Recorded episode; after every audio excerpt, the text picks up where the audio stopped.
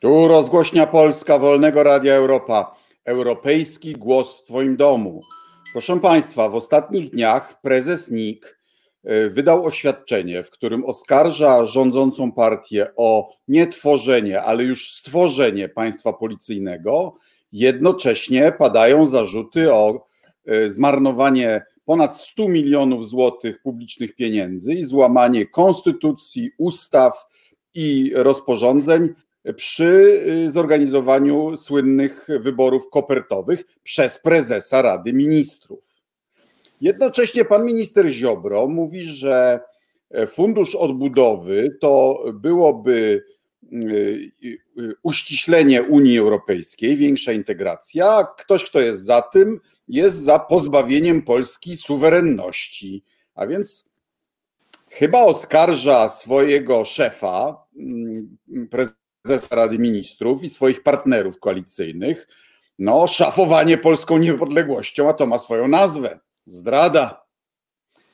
Kilka tygodni temu mieliśmy też e, rocznicę e, katastrofy smoleńskiej. E, dzisiaj mamy gościa, który jest wyjątkowo kompetentny w tych trzech tematach, bo jest to były poprzednik ministra Ziobry, były poprzednik pana prezesa Banasia, Proszę Państwa, były minister sprawiedliwości, prokurator generalny, a obecnie senator niezależny, pan Krzysztof Kwiatkowski. Serdecznie witam. Witam wszystkich, e, którzy nas oglądają i słuchają. Witam serdecznie i oczywiście witam prowadzącego. Panie ministrze senatorze, w co gra Banaś? Myślę, że Marian Banaś e, tak do końca jeszcze nie tylko nie wie w co gra, ale jak tą grę zakończyć. Dlaczego? Z jednej strony jest prowadzone postępowanie. Proszę zwrócić uwagę, że postępowanie prowadzone od trzech lat w sprawie jego oświadczenia majątkowego i to mówię jako były prokurator generalny, to nie jest skomplikowane postępowanie, bo bierze się delikwenta i sprawdza się, czy ilość środków finansowych, którymi dysponuje, ma pokrycie w dochodach. Takie postępowania na ogół, jeżeli dotyczą parlamentarzystów, a CBA też takie postępowania przecież prowadzi, trwają góra kilka miesięcy. Tutaj mamy trzy lata i postępowanie jakoś nie może się zakończyć. Trochę ono sprawia wrażenie, jakby prokuratura chciała mieć argumenty do rozmowy z prezesem Banasiem. Z drugiej strony pan prezes Banaś ma swoje argumenty, bo z przecieków dowiadujemy się, że kontrola NIK-u dotycząca wyborów kopertowych stwierdziła liczne nieprawidłowości, złamanie przepisów prawa zarówno przez premiera Mateusza Marowieckiego, jak i przez e, ministrów, ministra Dworczyka, ministra ministra Sasina, ministra Kamińskiego, ale jeżeli przeczytać wystąpienie pokontrolne, oczywiście mówię o tym, które się pojawiło w mediach nieoficjalnie, to tam nie ma wcale wniosków do prokuratury czy wniosku o Trybunał Stanu, jak w przypadku złamania przepisów e, prawa powinno być, a przecież w przeciekach mieliśmy właśnie informację, że takimi wnioskami kontrola NIK-u się zakończy no to czy Banaś nie, nie, nie, nie składa de facto autodenuncjacji, że ma dowody na złamanie prawa, na wielką szkodę w finansach publicznych i co, i nic z tym nie robi? A to jest e, ciekawa sytuacja, bo prezes Marian Banaś po prostu wykorzystuje ustawę o Najwyższej Izbie Kontroli, która mówi, że w oparciu o wystąpienia pokontrolne, bo dzisiaj to ten dokument e, jest nieoficjalnie dostępny, w tych wystąpieniach jest oddane to, że premier nie kierował się opiniami prawnymi e, swojego Departamentu Prawnego z kancelarii premiera, nie kierował się opinią szefa prokuratorii generalnej, czyli instytucji, która odpowiada za interes finansowy finansowy państwa, czyli tymi opiniami, którymi się e, kierował. I to jest w wystąpieniu pokontrolnym dokładnie zapisane, ale dopiero w oparciu o wystąpienia pokontrolne, a w sprawie wyborów kopertowych kontrolowała, e, kontrolowana była nie tylko kancelaria premiera, ale na przykład Ministerstwo Aktywów Państwowych, powstaje coś takiego jak informacja pokontrolna, popularnie nazywana raportem. I w tym raporcie rzeczywiście mogą się znaleźć na przykład wnioski, że Najwyższa Izba Kontroli kieruje zawiadomienie o możliwości popełnienia przestępstwa do prokuratury, czy wniosek do marszałka Sejmu o potrzebę skierowania wniosku o postawienie kogoś przed Trybunałem Stanu, bo to nie nikt taki wniosek może skierować, ale grupa posłów, ale prezes NIK-u taki pismo może wystosować. Jestem ciekaw, co się tego 18 wydarzy, bo dzisiaj mam nieodparte wrażenie, jakby gdzieś tam poza naszymi oczami dochodziło do siłowania bulldogów pod dywanem, a efekt zobaczymy 18 maja, jak zapowiedział prezes Banaś. E, państwu przypominam, że można kierować pytania do naszego gościa e, na Facebooku. E, Ludwik Dorn w Faktach po Faktach powiedział, że to jest pasjonująca gra cykora, po angielsku nazywana chicken, to znaczy jadą jedną pasmówką, no i kto skręci pierwszy na pobocze? Jak byś obstawiał? Banaś pierwszy skręci czy rząd? Ja mam wrażenie, że prezes Marian Banaś w wyniku tych informacji, które no przecież e, nie wróbelki, e, ale określone osoby przekazywały e, do dziennikarza, tak jak mówię, dziennikarze mają już dostęp na przykład do wystąpienia pokontrolnego i też nie zakładam, żeby to minister Dworczyk biegał z tym wystąpieniem pokontrolnym, którego stawia w złym świetle, czyli to wystąpienie pokontrolne musiał przekazać ktoś z NIK-u, a trudno mi sobie wyobrazić sytuację, żeby to przekazywał szeregowy kontroler troszkę jest w takiej sytuacji, że już powiedział zbyt wiele, żeby nie zrobić kolejnego kroku. Bo po pierwsze, jeżeli rzetelnie traktować Najwyższą Izbę Kontroli, no to nie ma innego wniosku, jeżeli kontrolerzy udokumentowali złamanie przepisów prawa. Złamanie przepisów prawa w postaci wydatkowania pieniędzy publicznych przed przyjęciem w ogóle ustawy, która i tak w wątpliwy sposób dawała takie uprawnienia premierowi, ale tu nie było żadnych uprawnień, nawet tak zwanych zwaną ustawą covidową, bo ustawa o przeprowadzeniu wyborów korespondencyjnych, przypominam, w ogóle nie zakończyła swojego żywotu e, parlamentarnego, no to trudno spodziewać się z punktu widzenia osoby, która chce szanować przepisy prawa, innego wniosku niż na przykład wniosku do prokuratora o złamanie przepisów prawa, do rzecznika dyscypliny finansów publicznych o naruszenie dyscypliny e, finansów publicznych. To wielkie sprawdzam przed nami już za trochę ponad dwa tygodnie, bo prezes Marian Banaś publicznie zapowiedział, że 18 maja to wystąpienie pokontrolne będzie ogłoszone. Ja zaś publicznie powiedziałem, że spodziewałbym się, że to wystąpienie będzie e, pokontrolne, ta informacja o wynikach kontroli ogłoszona wcześniej, bo kolegium NIK-u, zresztą tu ciekawostka, głosami 8 do 7 utrzymała zapis o nieprawidłowościach w wystąpieniu pokontrolnym. Tu prezes Banaś wygrał to e, głosowanie. 8 do 7 wygrał to głosowanie, w oparciu o które będą te wnioski przedstawiane. I w związku z tym, że to było już jakiś czas temu, uważam, że prezes Marian Banaś mógłby, bo to już jest decyzja prezesa, swobodnie ogłosić to wystąpienie pokontrolne wcześniej, bo tak to rodzi się naturalne pytanie, po co mu ten czas? Szczególnie, że przypominam i nie przypadkiem powiedziałam o tym wyniku głosowania na kolegium NIK-u, że kolegium NIK-u, które przyjmuje lub odrzuca zastrzeżenia kontrolowanych podmiotów, a kancelaria premiera chciała usunąć zapisy o tych nieprawidłowościach, to jest takie ciało, w skład którego wchodzą między innymi wiceprezesi NIK-u, a przypominam, że prezes Banaś kilka miesięcy temu na jednego ze swoich zastępców, byłego posła PiSu Tadeusza Dziubę, złożył zawiadomienie do prokuratury, o to, że wpływał na kontrolerów poprzez właśnie chęć usuwania zapisów o nieprawidłowościach. Tylko, że nie... też nie. Tylko, że nieoficjalnie się mówi, że tak jak pierw złożył to zawiadomienie, tak później mówi się nieoficjalnie, że je wycofał. Więc sytuacja jest tym bardziej interesująca. No to kuriozalne, nie? Musi być ci strasznie smutno, że ważna instytucja, której szefowałeś ile? 6-7 lat, tak? Znaczy nikt nie, nawet nie, do, nie domniemuje dzisiaj, że, że działa niezależnie, autonomicznie, apolitycznie, zgodnie z interesem państwa, tak jak do tego została powołana, tylko wszyscy się doszukujemy w tym polityki, prawda? To, Dla mnie to, to jest... tą instytucję z autorytetu, prawda? Dla mnie to jest bolesna sytuacja, bo ja przypominam sobie, że przecież nikt, którego pracami kierowałem, nie jest tajemnicą, mówiliśmy o tym we wstępie.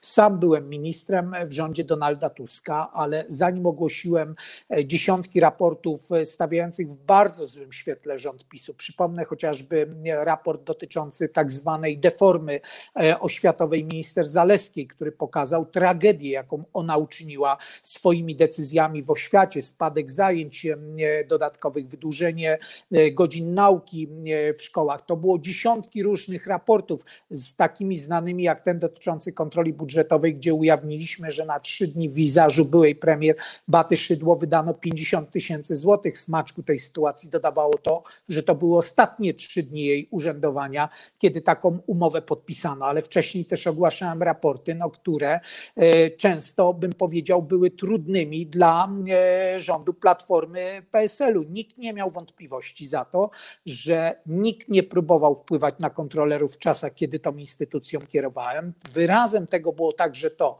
zaufania dla polskiego NIK-u, że byłem wiceszefem Europejskiej Organizacji Kontroli, kierowałem pracami Komitetu Kontaktowego, który grupował szefów organów kontroli państw Unii Europejskiej, reprezentowałem Europę w Międzynarodowej Organizacji Izb Kontroli, a NIK był audytorem, bo wygrywał konkursy, na przykład Radę Europy, to był bardzo prestiżowy audyt, wygraliśmy z niemieckim organem kontroli, e, e, e, czy Europejskiej Agencji Badań Atomowych, czy OECD.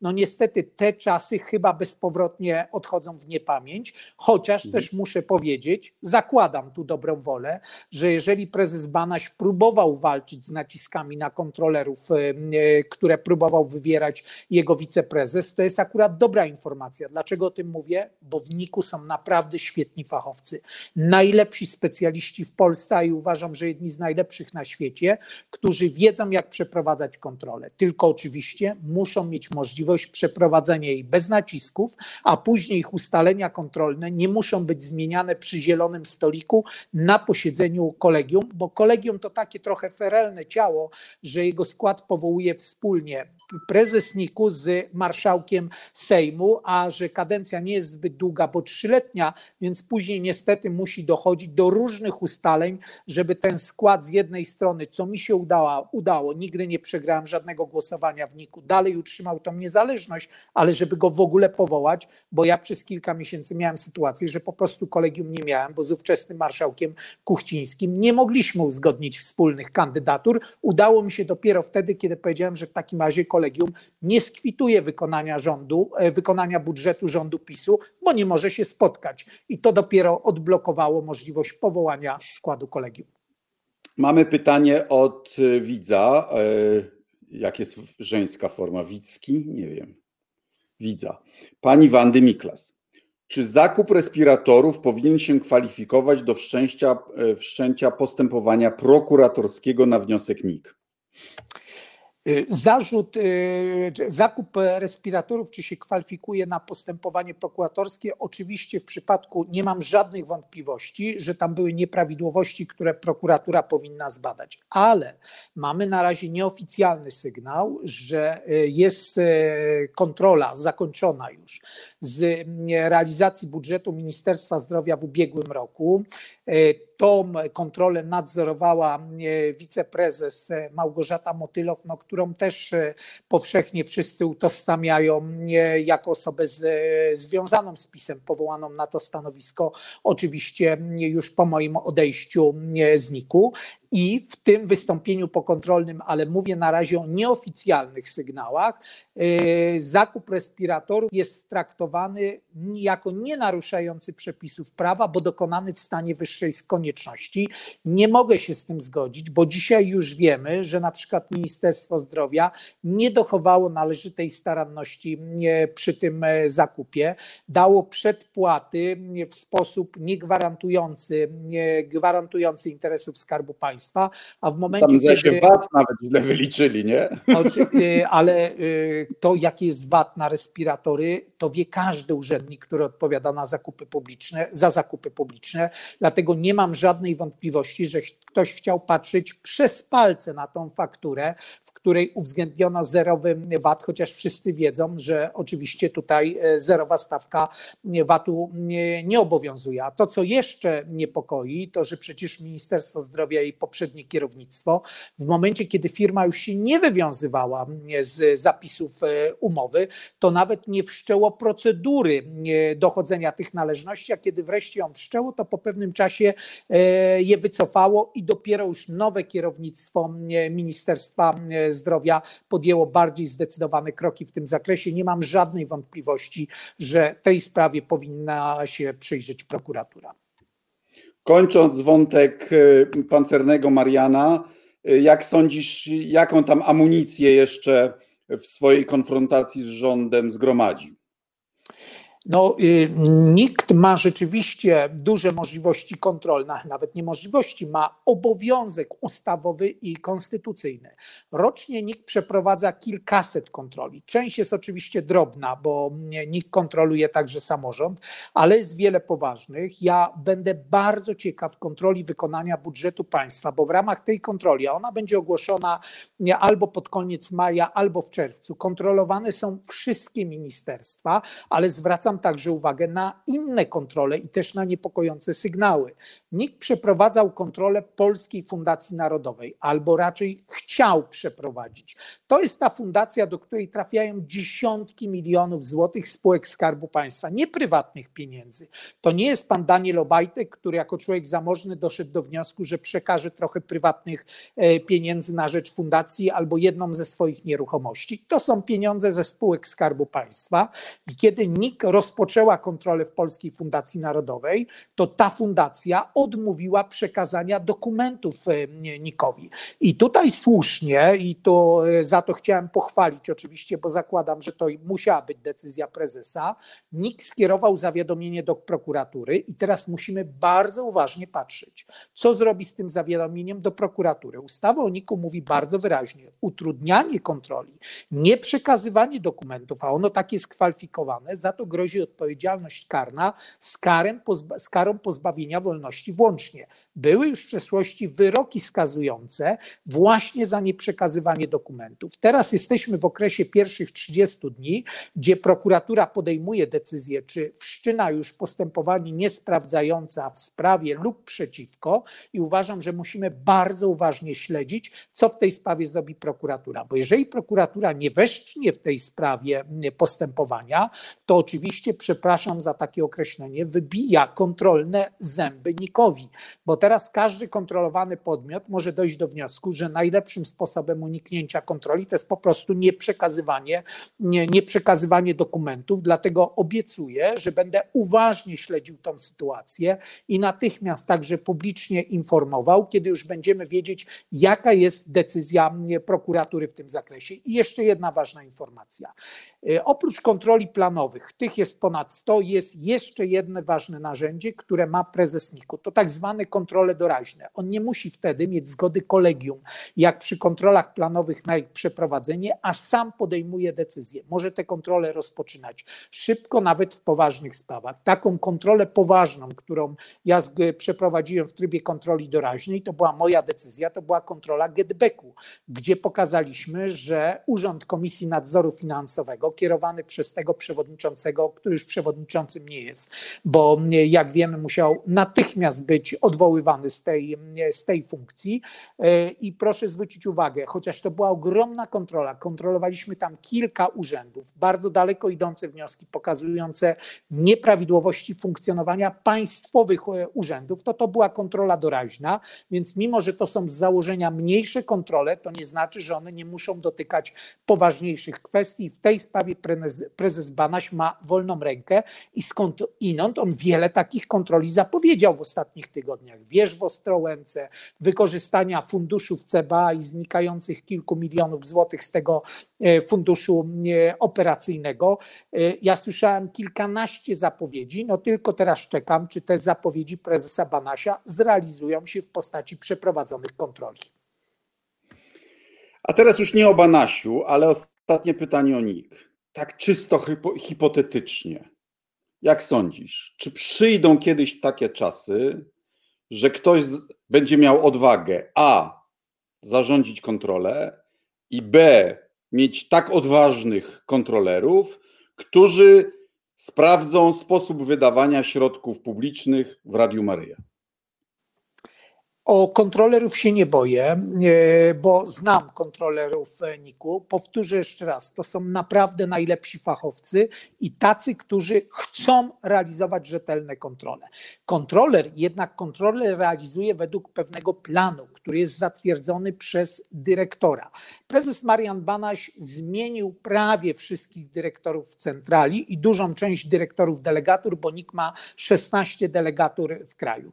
To jest kluczowe, bo tak jak mówię, mam pełne zaufanie do kontrolerów. Za to, jakie będą kierunki kontroli, które będzie zlecać kierownictwo, a także prezes, na to pytanie nie jestem w stanie odpowiedzieć. Myślę, że wszyscy, i my obaj, i nasi e, radiosłuchacze, i ci, którzy nas oglądają w sensie wizji, będą mogli sobie więcej na to pytanie odpowiedzieć po 18 maja, kiedy zobaczymy, co Marian Banaś ogłosi w tak zwanej kontroli wyborów, wyborów e, kopertowych. Nie mam za to żadnej wątpliwości, że wszędzie tam, gdzie są pieniądze publiczne, tam Najwyższa Izba Kontroli ma uprawnienia, a wręcz obowiązek, żeby kontrolować, co się z tymi pieniędzmi dzieje. Ja nawet próbowałem podejmować kontrolę poza granicami kraju. W przypadku słynnego przekazania pieniędzy za kolekcję czartoryskich wystąpiłem nawet do swojego odpowiednika w Liechtensteinie, żebyśmy wspólnie skontrolowali Fundację Rodziny Czartoryskich i to ogromne pieniądze, które zapłacono za obraz, który i tak nie mógł być wywieziony z Polski. Niestety wtedy uzyskałem odpowiedź, że Liechtenstein to jest ten wyjątkowy kraj w Europie, który jako jedyny nie kontroluje prywatnych fundacji w żadnym zakresie i w związku z tym uzyskałem także odpowiedź na pytanie, dlaczego fundacja, do której poszły pieniądze, znajduje się, jest zarejestrowana na terenie Liechtensteinu. To, to jest ich biznes. Um, jesteś arcyciekawym rozmówcą w tej y, wąskiej kwestii, mianowicie y, tego, co jest y, lepsze czy gorsze z punktu widzenia państwa, mianowicie prokurator generalny połączony z ministrem sprawiedliwości lub nie, bo byłeś jednym i drugim, prawda? I to jeszcze w takim tragicznym czasie Smoleńska. Y, minister Ziobro był. Tu, minister... tu muszę jedną rzecz powiedzieć. Przed czasem e, Smoleńska, dlaczego? Rozdział był dokładnie w ostatnim dniu marca 2010 e, roku. Zresztą ja powiem coś, czego nawet do tej pory nie za bardzo miałem okazję mówić wcześniej. E, jakie konsekwencje były rozdziału tej funkcji?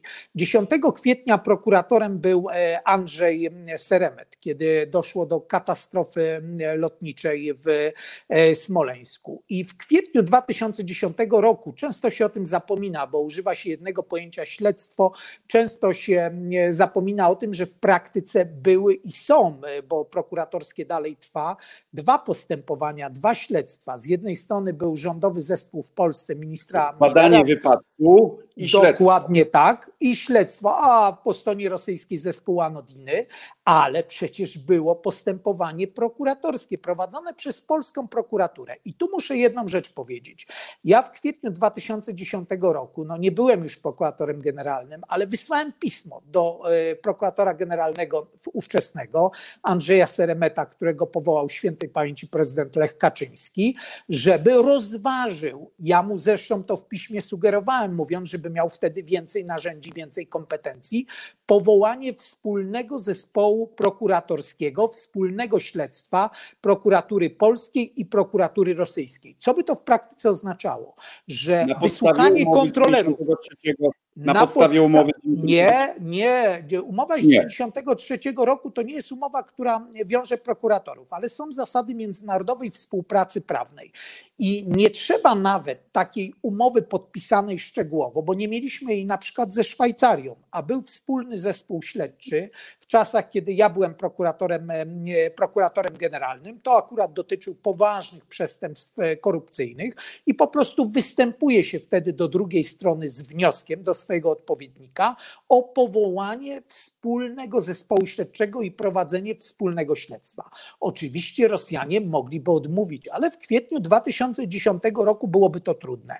Jakież było moje zdumienie, kiedy ja wystąpiłem do prokuratora generalnego Andrzeja Seremeta o to, żeby rozważył taki wniosek, wystąpił do strony rosyjskiej. W swoim piśmie podpowiedziałem zarówno przepisy, jak i praktykę funkcjonowania takich e, zespołów śledczych. Liczyłem się z tym, że prokurator Seremet może nie mieć żadnych doświadczeń, bo nie miał prokuratorskich. 10 dni e, funkcjonował na tym stanowisku, dlatego w tym piśmie też mu podpowiedziałem o tym, że są takie doświadczenia i one są dobre.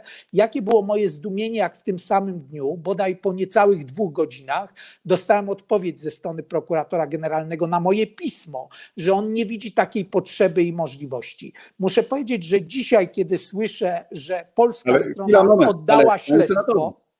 Zatrzymajmy się przy tym. No to jest przecież rewelacja. Przecież, przecież prokuratura i propaganda pisowska od 11 lat oskarżają rząd, y, y, y, w, tym, w którym służyliśmy, że to z naszej winy nie było wspólnego polsko-rosyjskiego śledztwa. Tymczasem powtórzmy to. Ty się zwróciłeś do ówczesnego prokuratora generalnego jako minister sprawiedliwości z tą propozycją. I to tak, mianowany tak, przez Lecha Kaczyńskiego prokurator generalny natychmiast ją odrzucił, tak? Tak, odrzucił ją tego samego dnia. Ja z tej informacji nie robiłem żadnej tajemnicy. Kiedy prokuratura mnie wezwała, prowadząc śledztwo w kontekście ewentualnej zdrady dyplomatycznej, przekazałem natychmiast prokuratorowi ten dokument. Był zaskoczony, nawet niespecjalnie zainteresowany, żeby go przyjąć, bo wziąłem sobie kopię tego wystąpienia i odpowiedzi ze strony prokuratora generalnego, ale uznałem, że to na tyle ważny dokument, że dopilnowałem, żeby pan prokurator go przyjął, wpisał do protokołu, dołączył oczywiście do dokumentów prowadzonego postępowania, więc prokuratura oczywiście ma ten dokument, nawet gdyby jej się zagubił w sensie własnego, e, własnego archiwum w prokuraturze generalnej, więc oczywiście prokuratura o tym wie, że takie wystąpienie moje jako ministra sprawiedliwości było i oczywiście wie, jaka była odpowiedź Andrzeja e, Seremeta na propozycję wspólnego śledztwa. Nikt śledztwa nie oddawał, bo prokurator generalny Andrzej Seremet nie podjął nawet wysiłku, żeby o takie wspólne śledztwo się postarać. Nie, od, y, ten mit psychoprawicowy o oddaniu śledztwa jest logicznie absurdalny, bo jeśli się coś oddało, to się tego czegoś nie ma. A my mamy śledztwo, którego Ziobro nie kończy, bo, bo mu nie wychodzi zamach, więc, więc nic nie zostało oddane. A, a jeśli chodzi o, o badanie wypadku przez Anodinę, no to Polska nie ma władztwa nad Rosją, żeby jej zabronić badania wypadku, który się zdarzył na jej terytorium. Więc to jest wszystko dęte. A tam, a e, tam, gdzie mogliśmy mieć władztwo w postaci wspólnie prowadzonego śledztwa i uczestnictwa polskich prokuratorów we wszystkich czynnościach na terenie Federacji Rosyjskiej, bo tak e, działają wspólne e, zespoły śledcze, przynajmniej tam z tych doświadczeń, które ja miałem jako prokurator generalny, umawiające się strony mówią, jakie czynności przeprowadzają na terenie danego kraju i wtedy polscy prokuratorzy mogliby uczestniczyć nie w jednym, w tylu, ilu było potrzeba, przesłuchaniach kontrolerów lotu z lotniska w Smoleńsku, oględzinach wraku i prowadzeniu wszelkich niezbędnych czynności na terenie Federacji Rosyjskiej, ale ówczesny prokurator generalny bo, bo, nie był tym zainteresowany. Chwila moment, chwila moment. Z jednej strony, gdyby była wolna wola i e, w kwietniu wydawało się, że jest pełna współpraca rosyjska, prawda? Która wyparowała po paru tygodniach. Kiedy wysyłałem to pismo, to był to okres, gdzie absolutnie strona rosyjska, przypomnę kwiecień 2010 roku, podkreślała, że jest otwarta na wszelkie formy e, współpracy e, ze stroną, e, ze stroną polską. Ja zresztą muszę powiedzieć, że to była taka sytuacja wyjątkowa ten 10 kwietnia. To ja tego dnia zadzwoniłem do prokuratora generalnego Andrzeja Seremeta, informując go o katastrofie. To było no, bezpośrednio po wypadku, bo dosyć szybko miałem ten sygnał. Uprzedziłem go, że to absolutnie wymaga, żeby on ze swojego miejsca zamieszkania pod Tarnowem przyjechał do Warszawy. To są takie nadzwyczajne sytuacje, gdzie urzędnik publiczny musi rzucić wszystkie swoje domowe obowiązki i stanąć na wysokości potrzeb państwa polskiego. Ja go też uprzedziłem, e, że musi wysłać prokuratorów, zespół prokuratorów e, na miejscu. Zresztą dopilnowałem i ułatwiałem ten kontakt, którego efektem było to, że polscy prokuratorzy, to już oczywiście prokurator Seremet decydował w jakiej ilości, ale mogli polecić pierwszym samolotem, jeszcze przed samolotem, którym poleciał premier na miejsce katastrofy. No, ale Podkreślmy jak... to, Krzysztofie. Polscy prokuratorzy byli na miejscu katastrofy w dniu katastrofy. Tak, polscy prokuratorzy 10 kwietnia znaleźli się na miejscu katastrofy i nie ukrywam, że e, uznałem, że to jest mój psi obowiązek jako urzędnika publicznego i chociaż nie byłem już prokuratorem generalnym, to natychmiast dzwoniłem do prokuratora Seremeta, zresztą tego dnia. Kilkakrotnie się kontaktowaliśmy z nim, a później z prokuratorem, który kierował zespołem e, prokuratorów udającym się tam na miejsce i służyłem im wszelką pomocą, między innymi dzięki temu mogli skorzystać skorzystać z samolotu rządowego, żeby jak najszybciej udać się e, na miejsce katastrofy.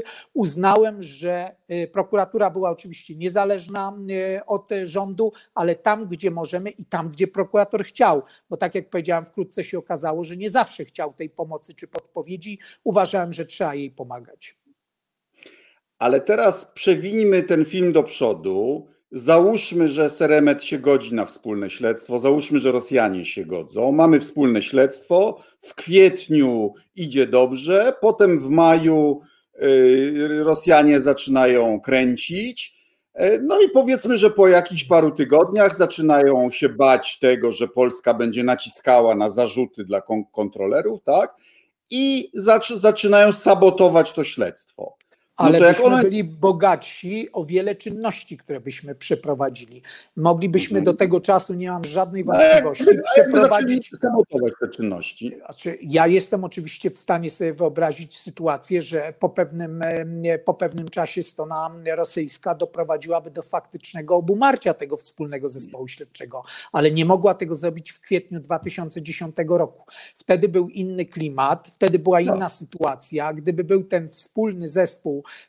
to mielibyśmy już możliwość przeprowadzenia bardzo wielu czynności, na przykład wielokrotnego przesłuchania, dajmy na to kontrolerów, to ja i tak, e, to ja i tak wiem, że prokuratorzy e, tutaj w tym zakresie, w jakim w początkowej fazie, gdzie ta współpraca była e, dobra, to prokuratorzy mi przekazywali tam na miejscu tego 10 kwietnia. Później już tego nie kontrolowałem, bo nie miałem w tym zakresie oczywiście kompetencji, że będą się udawać wspólnie z prokuratorami rosyjskimi celem odsłuchania czarnych skrzynek. Później już takiej woli woli nie było, a ja też bałem się zarzutu, że wpływam na postępowanie niezależnej prokuratury, więc wielokrotnie prokuratorowi Seremetowi podkreślałem, że wszędzie tam, gdzie by potrzebował mojej pomocy, jestem do dyspozycji, że są do dyspozycji także moi eksperci z Departamentu Współpracy Międzynarodowej, który był w Ministerstwie Sprawiedliwości,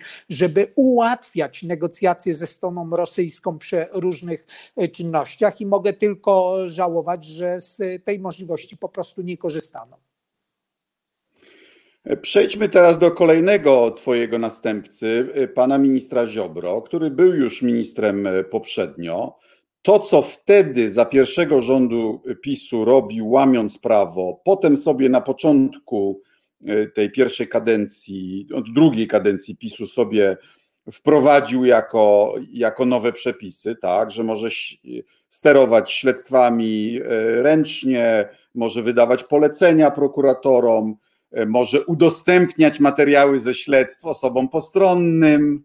A i tu mam dla ciebie ciekawą informację. Skąd no. się znalazł przepis w ustawie o prokuraturze o tym, że e, w szczególnie uzasadnionych przypadkach, kierując się interesem społecznym, prokurator generalny może poinformować na każdym etapie śledztwa o pewnych ustaleniach? On się znalazł, i to jest kolejne narzędzie, które ma prezes Marian Banaś, z ustawy o Najwyższej Izbie Kontroli. Tam dokładnie jest zapis, że właśnie w szczególnie uzasadnionych przypadkach, kierując się interesem społecznym, prezes może na dowolnym etapie postępowania kontrolnego poinformować o, niej, o nim opinię publiczną. Dlaczego? Tam był ten przepis po to, że jeżeli w toku kontroli ujawniamy, że dochodzi do przestępstwa, defraudacji środków finansowych na ogromną skalę, to żeby nie czekać nawet na zakończenie postępowania kontrolnego, prezes NIK-u może natychmiast informować zainteresowane podmioty. Ja nie ukrywam, że skorzystałem z tego przepisu dwu czy trzykrotnie już,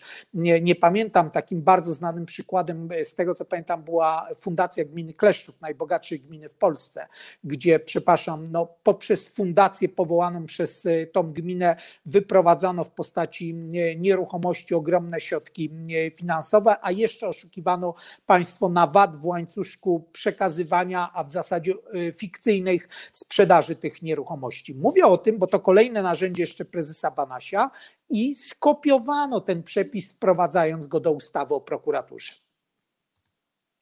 Okej. Okay. No ale celem miało być tych reform, no takie zmilitaryzowanie prokuratury, pociągnięcie za cugle, reforma sądownictwa, pogonienie kasty, no po to, żeby obywatel miał poczucie, że nie ma świętych krów i że sprawy idą szybko, sprawnie i do celu.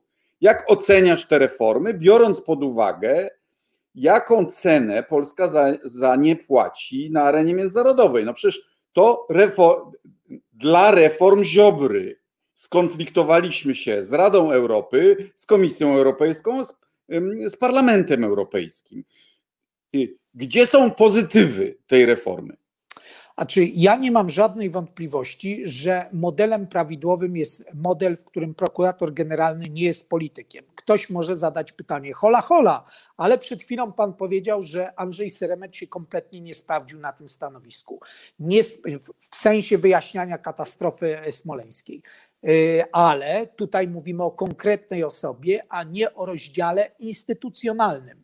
Bo gdyby na miejscu Andrzeja Seremeta była osoba, która by podjęła inne decyzje y, w tamtym czasie, no to mielibyśmy do czynienia z inną sytuacją. A co dzisiaj? Dzisiaj przy każdej decyzji prokuratura nie wszczyna albo umarza, albo wycofuje z sądu y, wnioski, akt oskarżenia przeciwko Danielowi Obajtkowi czy w wielu innych sprawach. Oczywiście, że rodzi się pytanie, czym się kieruje, a w zasadzie wiele osób odpowiada sobie na to pytanie, że kieruje się względami politycznymi i tym, z jakim obozem politycznym jest Daniel e, Obajtek związany. Dlatego nie mam żadnej wątpliwości, że modelem takim, który nie budzi wątpliwości co do tego, że prokuratura kieruje się względami merytorycznymi, stanem faktycznym, tym, czy ktoś złamał przepis prawa, czy nie, jest model, w którym prokurator generalny nie jest politykiem, nie jest członkiem rządu. No, zwróćmy uwagę nawet na najprostszy argument. Jeżeli dochodzi do jakichś nieprawidłowości, wydatkowania środków publicznych w sposób nieprawidłowy, mówiliśmy o respiratorach, to wniosek w, w takich sprawach jest skierowany gdzie? Do prokuratury. I minister sprawiedliwości, kolega, który siedzi obok ministra zdrowia na posiedzeniu rządu, ma później decydować, czy stawiać mu zarzuty, czy nie stawiać mu zarzutów. To jest sytuacja kuriozalna. Zresztą między dlatego ja jestem tak gorącym zwolennikiem wprowadzenia instytucji prokuratury europejskiej, bo dzięki temu mielibyśmy niezależną instytucję, do której można by kierować wnioski, oczywiście w określonym zakresie, w tym wypadku Bardzo defraudacji, tak, defraudacji środków defraudacji środków europejskich, ale już byśmy mieli jakikolwiek wentyl, że ktokolwiek nie decyzją polityczną mógłby weryfikować pewne, weryfikować pewne rzeczy. Dzisiaj jesteśmy wokół, w oku cyklonu dyskusji, co z funduszem, z funduszem odbudowym. Lewica negocjuje komitet monitorujący, który ma to sprawdzać. No ale ja patrzę na te zapisy i czytam, że komitet monitorujący powołuje minister rozwoju, że co prawda mają być tam przedstawiciele organizacji społecznych, ale nie wiemy w jakiej ilości czy samorządu. Nie wiemy, jak powoływani. Nagle się może okazać, że tymi jedynymi właściwymi będzie sześciu marszałków z PiSu i ani jeden z opozycji. Mówię o tym właśnie dlatego, że państwo ma funkcjonować w oparciu o niezależne mechanizmy. Po to prokurator ma być niezależny, żeby nie podlegał rządowi. Po to chcemy e, wprowadzić prokuraturę europejską, żeby ktoś mógł kontrolować wydatkowanie funduszy e, europejskich, bo do tej prokuratury można kierować bezpośrednio wniosek z pominięciem narodowej e, prokuratury, czyli w polskim przypadku tej prokuratury kierowanej przez prokuratora generalnego Zbigniewa Ziobrę. Jak to było za prokuratora Seremeta, to ja jeszcze e, pamiętam, ale niektórzy już nie pamiętają. Do dzisiaj nam się wypomina wejście ABW do redakcji wprost, nie pamiętając, że ABW weszła tam na zlecenie prokuratora Seremeta, który nie jako żywo e, bardzo często robił e, wbrew rządowi. No ja mogę podać jeden przykład. Y, zbadano sposób likwidacji WSI przez Macierewicza, gdzie doszło do, do ujawnienia polskiej agentury, gdzie ujawniono bieżące operacje wywiadowcze, gdzie zgromadzono tony materiałów. I ktoś w, w prokuratorze wymyślił, no ale Seremet musiał to podpisać, że Macierewicz nie może odpowiedzieć za to, bo nie był funkcjonariuszem publicznym.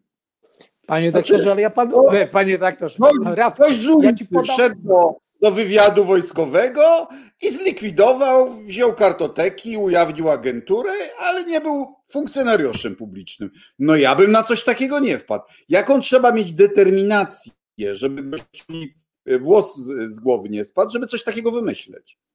ale ja ci podam przykład niepolityczny nawet, no bo ten jest już e, decyzje podejmowane przez określonych, przez określonych polityków, ale nawet w sprawach, które nie miały dna politycznego, no polska prokuratura była jedyną na świecie, no to było absolutnie mistrzostwo świata i to było za Andrzeja Seremeta, że równocześnie stawiała zarzut zabójstwa tej samej osoby, i to nie byle kogo, byłego szefa polskiej policji, generała Marka Papały, dwóm osobnym, e, dwóm różnym osobom, zresztą e, działającym w różnych gangach. No przecież czegoś takiego to jeszcze nie było.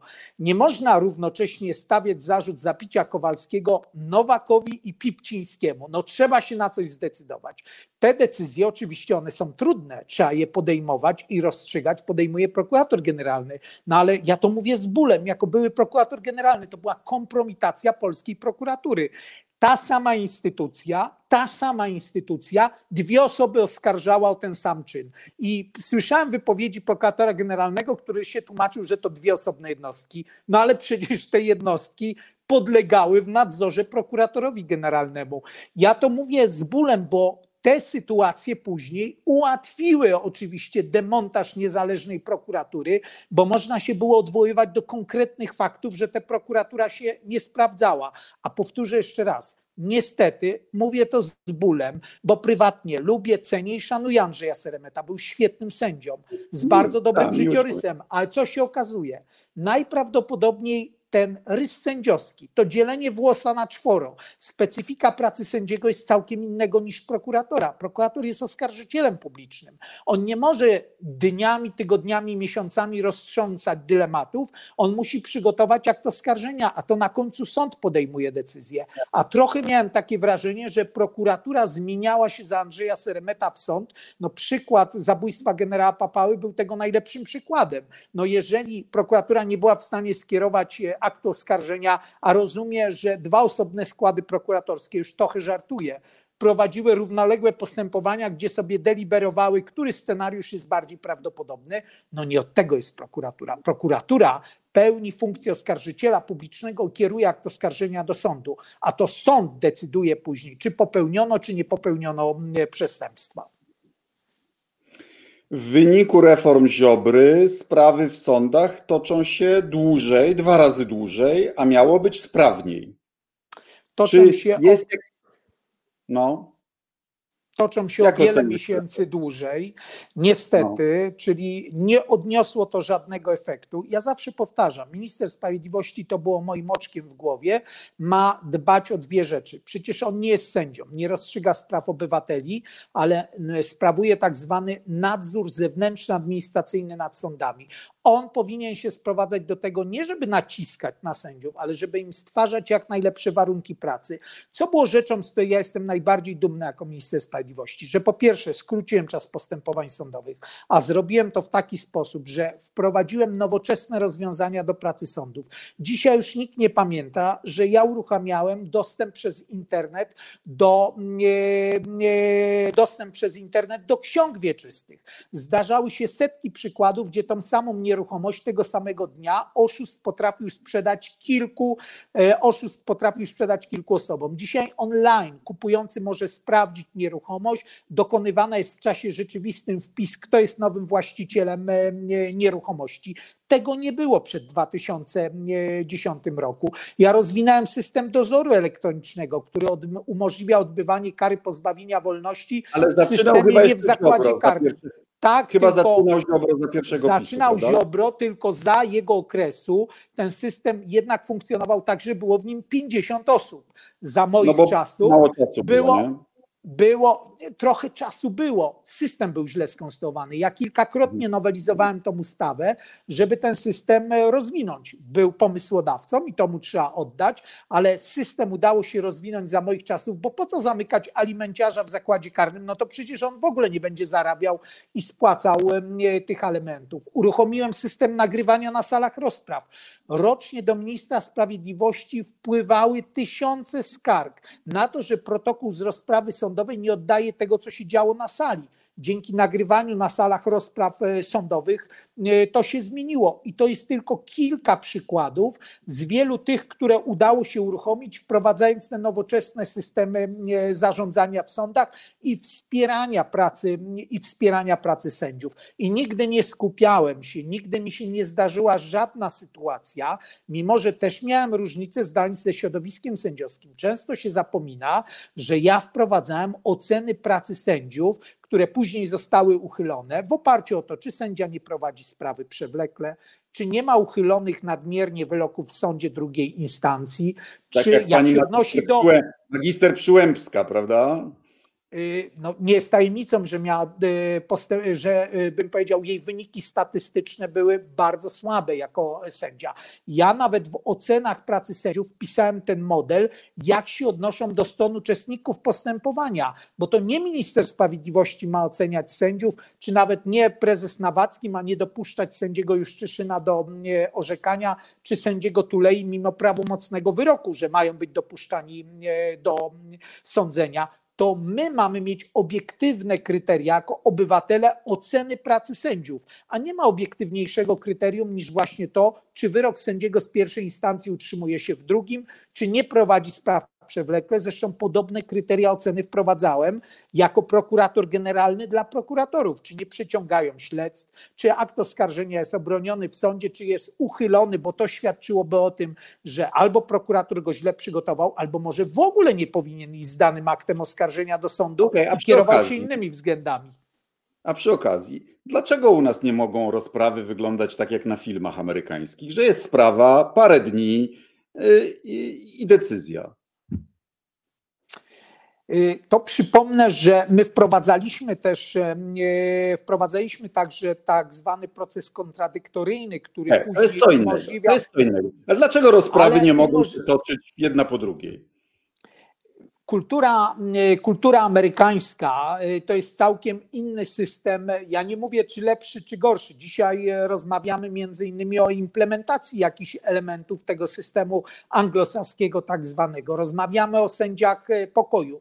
U nas mamy trochę inne rozwiązania. Ja nawet kiedy próbowałem, czy to w postaci przepisów, czy praktyki działania różnych elementów wymiaru sprawiedliwości wprowadzać zmiany, często to wywoływało naprawdę ogromny opór. Odwołam się do bardzo zabawnego przykładu, zabawnego, tragicznego.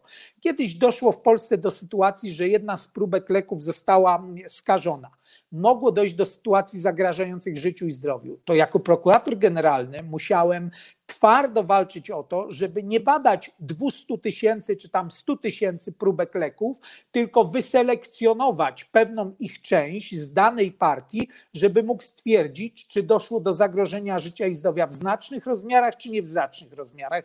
Ale w Polsce często jest taka kultura, nie, sprawę musimy wyjaśnić tak dokładnie, że już na końcu tego wyjaśnienia nikt nie pamięta o co chodziło. A y, no, skoro przy tych sprawach jesteśmy takich praktycznych, które nas poruszają, y, na pewno musiałeś y, na to zwrócić uwagę, na tą subkulturę nadużywania aresztu tymczasowego, niestety czasami podejrzewam słusznie nazywanego aresztem wydobywczym. Y, ale to mamy tu statystyki. Statystyki są bezwzględne, że tych y, aresztów tak zwanych wydobywczych było najwięcej lata 2005-2007. Później one spadały, to nie był spadek od razu, bo przecież mieliśmy jeszcze te areszty, które były orzeczone, nie, przepraszam, które było orzeczone oczywiście po wniosku prokuratury jeszcze w 2000 na przykład roku, ale ja mogę powiedzieć, musiałbym zajrzeć do aktualnych statystyk, ale że ilość tych aresztów między rokiem 2007 i w kolejnych latach, a na pewno za okres, kiedy byłem ministrem e, sprawiedliwości, czyli w latach 2010-2011, znacząco, e, znacząco spadła. Nie, no ale chwila, moment. Minister nie powinien mieć na takie rzeczy wpływu. To sami sędziowie decydują. I z czego wynika to, że oni prawie zawsze przychylają się do wniosków prokuratury, które czasami są bardzo takie. Y, no, ma, odczuwam takie małe poszanowanie dla domniemania niewinności. No. Niestety to jest troszeczkę tak, że prokuratura, wnioskuje prokurator. I powiem, jak to w praktyce wygląda, bo prokuratura robi to w sposób, który y, daje jej największą szansę podjęcia dobrej decyzji przez sąd. Pamiętam, jak byłem ministrem sprawiedliwości, któregoś piątkowego popołudnia, to było gdzieś około godziny 15, byłem w Sądzie Okręgowym w Warszawie, w tym, w którym jest najwięcej tak zwanych wniosków aresztowych. I patrzę, nagle wjeżdża ekipa z dużą ilością wózków, takich jak w supermarketach, z ogromną ilością akt. Z ciekawości zapytałem, co to jest. A nie, to prokuratura zawsze w piątek po południu przyjeżdża z wnioskami aresztowymi, bo wtedy wie, że sędzia jest już w takiej sytuacji, że myślami jest na weekendzie, rodzina e, czeka. Tutaj, e, kiedy skieruje się ten wniosek 5 znaczy minut przed zamknięciem sądu, a pamiętajmy, że oczywiście podjęcie decyzji o niezastosowaniu aresztu tam, gdzie on jest zasadny, no to bym powiedział, to jest sytuacja, która z punktu widzenia takiego sędziego byłaby sytuacją bardzo trudną i my wszyscy jako opinia publiczna mielibyśmy prawo rozdzierać szaty, jak mogło do tego dojść. Więc prokuratura świadomie wykorzystywała i podejrzewam, że dalej wykorzystuje taką technikę, żeby dawać jak najmniej czasu, jak najmniejszy komfort podejmowania decyzji sędziom w tym zakresie. Ja nie ukrywam, nawet myślałem o zmianie, zmianie przepisów w tym zakresie, które umożliwia rozpatrywanie tych wniosków bez, bez takiej presji czasowej, ale zawsze żartobliwie mówię, uczcie się kochać ministrów sprawiedliwości, tak szybko odchodzą. W czasach Platformy PSL-u przypominam, że ministrów sprawiedliwości było kilku, był to minister Ministrowie Ćwiąkalski, Czuma, Kwiatkowski, Biernacki, Grabarczyk, Budka i nie wiem, czy i Gowin, więc jak widać, bym powiedział, ta szansa na wprowadzanie zmian jest dosyć e, krótka. Trzeba było uwijać jak w ukropie, chociaż mam wrażenie, że ten czas, który miałem, udało się dobrze w ministerstwie wykorzystać. Proponuję na koniec zająć się kwestią bieżącą w Senacie, mianowicie uchwaliliście ustawę o agencji, która miałaby rozdysponowywać te pieniądze z funduszu e, odbudowy. Czy dobrze pamiętam, że za tymi rozwiązaniami głosowali też nie tylko niezależni senatorowie, tacy jak ty, ale także senatorowie lewicy? E, tak, poparła, e, poparła cała, e, cała tak zwana demokratyczna większość w Senacie. Tu też jedno zdanie informacji. Ja senatorem zostałem bezpośrednio po zakończeniu kadencji jako prezes NIK-u i właśnie kierując się tym, że uważałem, żeby nie było stawiania pod znakiem zapytania, czy kierowałem się jakimiś względami partyjnymi jako prezes NIK-u, wystartowałem do Senatu jako kandydat niezależny, bez podpórki i wsparcia żadnej partii politycznej. Też chcę, mówię o tym, żeby pokazać pewną filozofię, która mi towarzyszyła w, w pracy NIK-u. I rzeczywiście ten projekt przyjęliśmy absolutnie głosami wszystkich, czyli Koalicji Obywatelskiej, Lewicy, senatorów PSL-u i senatorów e, niezależnych. Zwróćmy uwagę, jak szeroka to jest koalicja. Mija ponad półtora e, roku, około półtora roku jej trwania. My nie przegraliśmy ani jednego głosowania w Senacie. A projekt jest ja o tyle kluczowy. Piję. A ja do czego ale piję. Ja wiem, Skoro projekt jest o tyle kluczowy, agencję, że... no to trochę dziwne, że nie zgłosiła tego jako postulat przyjęcia Funduszu Odbudowy.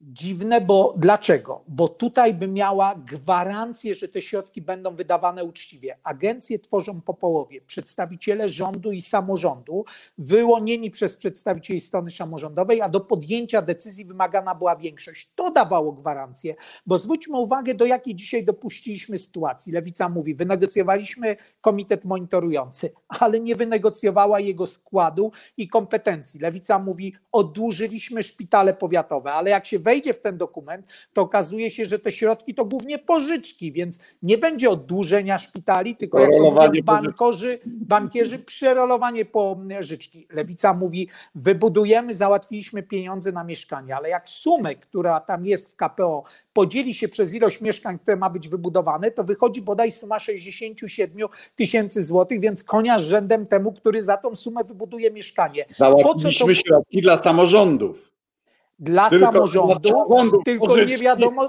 tylko nie wiadomo dla jakich, bo przecież mamy Fundusz Inicjatyw Lokalnych w województwie łódzkim. Druga transza tego funduszu była tak podzielona, że moje miasto, Łódź, ponad 700 tysięczne, nie otrzymała ani złotówki na żaden projekt, a gmina Dąbrowice, najmniejsza w województwie łódzkim, 1914 mieszkańców. Każdego szanujemy. Pani wójt oczywiście związana z PiSem dostała 2,5 miliona na trzy projekty. I to jest ta różnica w filozofii myślenia. Tam dostają swoi, tutaj przy agencji mieli dostawać wszyscy, więc ja mam nadzieję, jest jeszcze chwila czasu, że lewica skorzysta także z tego, co sama wypracowała, bo chciałbym bardzo mocno to podkreślić. W przypadku Agencji Spójności projekt przygotował senator Ujazdowski. Sam byłem włączony jako przewodniczący Senackiej Komisji Ustawodawczej w jego doskonalenie i nadawanie mu finalnego kształtu, ale też dołożyli swoją pracę do, tej, do tego projektu wszyscy, w tym senatorowie lewicy, którym w tym miejscu chciałbym za to bardzo serdecznie podziękować. Ostatnie pytanie. Załóżmy, że PiS traci większość, jest rząd techniczny, stały, nieważne. Trzeba przywrócić e, e, domniemanie praworządności w Polsce. Także ze względu na to, że fundusze europejskie są teraz powiązane z praworządnością. Jakie pierwsze decyzje byś podjął, żeby Europę przekonać, że w Polsce powróciła samorządność? Panie redaktorze, powiem tu jak do prowadzącego, chociaż nie ukrywam, że znamy się ponad od połowy lat 90. To już ponad 25 lat, bo jeszcze przed rządem Akcji Wyborczej Solidarność, w której ty byłeś ministrem, a ja doradcą i sekretarzem osobistym premiera Buzka, mieliśmy okazję się poznać. Tu pierwszy raz uchylę się od odpowiedzi, ale za to powiem ci dobrą informację. Mamy już kilka projektów w Senacie, nie będziemy ich dzisiaj upubliczniać, właśnie z tego względu, że nie było, żeby ich nie rozrywano na kawałki, nie krytykowano, zanim będziemy mieli szansę ich przyjęcia, ale ale za to wszystkich, którzy nas słuchają, mogę zapewnić, dobrze wykorzystaliśmy czas. Mamy na przykład cały pakiet zmian przywracających praworządność w wymiarze sprawiedliwości i naprawdę to są dobre projekty. Cieszę się, że mogłem także nad nimi pracować. Jesteśmy przygotowani na to, co po PiSie. Super, czyli wiemy, co zrobić, jak to zrobić, oby była szansa. Serdecznie dziękuję za rozmowę. Rozumiem, że demokratyczna większość e, w Senacie trzyma się mocno. Tak, i mogę uchylić rąbka tajemnicy, że znam na przykład wyniki głosowania, które będą najważniejsze na najbliższym Senacie. Kandydatura posła Wrublewskiego na Rzecznika Praw Obywatelskich w Senacie większości nie uzyska. Bo chcemy prawdziwego rzecznika praw Bo obywatelskich. chcemy rzecznika, który jest rzecznikiem obywateli, a nie rządu. I w interesie obywateli potrafi wejść w konflikt z rządem, bo tego od dobrego rzecznika praw obywatelskich oczekujemy. Obyśmy takiego znaleźli. Serdecznie dziękuję za rozmowę. Powodzenia. Dziękuję. Do usłyszenia.